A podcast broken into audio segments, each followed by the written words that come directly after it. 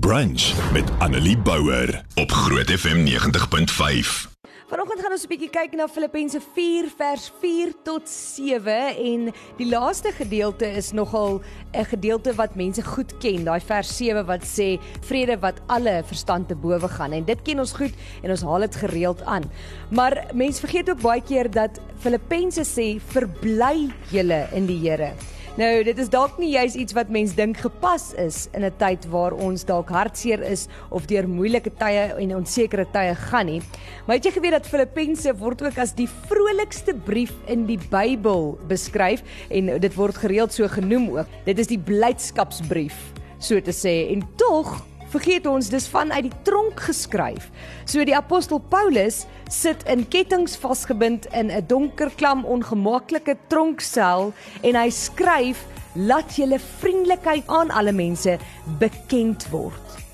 Terwyl hy in die tronk is, skryf Paulus die vrolikste brief, die blydskapsbrief van die Bybel. Nou Filippense 4 vers 4 tot 7 sê verbly julle altyd in die Here. Ek herhaal verbly julle. Laat julle vriendelikheid aan alle mense bekend word. Die Here is naby. Wees oor niks besorg nie, maar laat julle begeertes in alles deur gebed en smeking met danksegging bekend word by God en die vrede van God wat alle verstand te bowe gaan, sal julle harte en julle sinne bewaar in Christus Jesus. Ons almal het tog 'n behoefte aan vrede. Ek is seker daar's niemand hier wat dit nie wil hê nie en mense ondervind vrede baie maklik in 'n gelukkige huwelik of huisgesin, in 'n groeiende sakeonderneming, in die invloed wat jy in jou gemeenskap het, die agting en liefde van jou medemens en so 'n vrede kan ons almal begryp en verstaan. Maar daar is 'n vrede wat alle verstand te bowe gaan, soos Filippense 4 vers 7 sê. Dis 'n vrede wat te diep is om in woorde uit te druk en dit is so, kan jy sê, soos die dieptes van die oseaan wat onverstoord bly lê onder die verbygaande storm. Baie keer sal mense iemand sien wat ly dalk aan 'n siekte of wat die strafste pyn moet verduur en en tog so gelukkig is. Mense wat iemand aan die dood afstaan of wat van die moeilikste tye denkbaar deurgaan en tog hoopvol is. Want sien blydskap en vrede waak soos twee beskermengele by hierdie mense. En dan wonder mens baie keer, hoe is dit moontlik? Hoe kan jy dit verklaar? Ek verstaan dit nie. Daar's so baie dinge wat ons van ons vrede kan beroof. Dis tog ons wat in 'n gebroke wêreld lewe. Die bekommernisse oor die politiek en die ekonomie, die optredes van onopregte mense, huweliksprobleme, werkloosheid en so kan ek klomp dinge opnoem. En dan sê Kolossense 3 vers 15: Laat die vrede van God in julle harte heers. Nou die Griekse woord beteken as bemiddelaar optree. Met ander woorde eintlik sê dit laat die vrede van God as skeieregter of as bemiddelaar optree.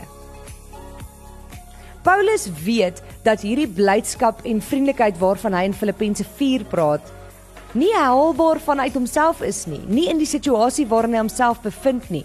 Maak nie saak hoe diep hy in homself gaan delf nie.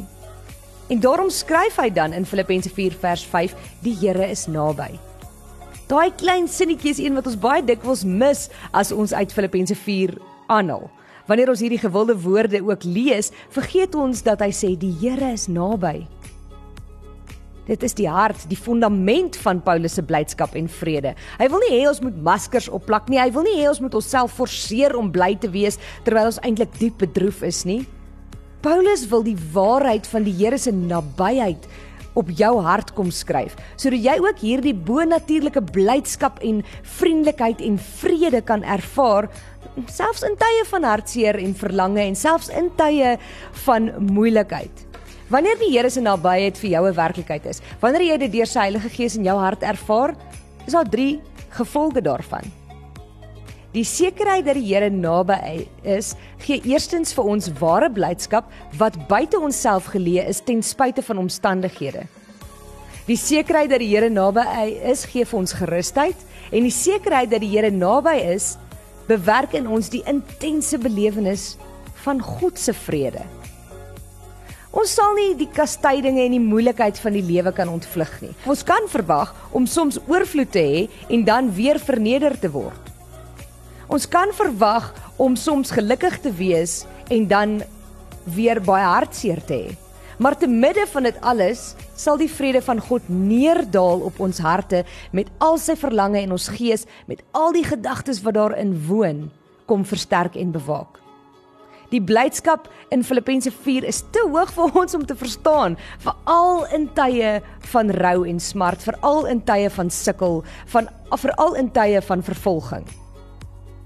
Jy sal dit nooit maar nooit in jouself vind nie. Jy sal dit nie self kan bewerk nie. Jy sal dit nie self kan opwek nie. Hierdie blydskap en vrede lê buite ons in ons Here Jesus Christus in sy nabyheid.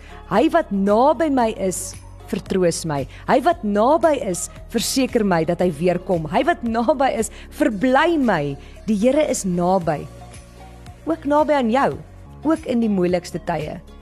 En mag jy daarom in hierdie week wat voorlê en in die res van hierdie jaar gevul word met God se blydskap, sy vriendelikheid en sy vrede ten spyte van omstandighede. Mag jy daai vrede wat alle verstand te bowe gaan elke dag ervaar omdat jy 'n God het wat naby jou is. Annelie Bouwer, weekoggend tussen 9 en 12 op Groot FM 90.5.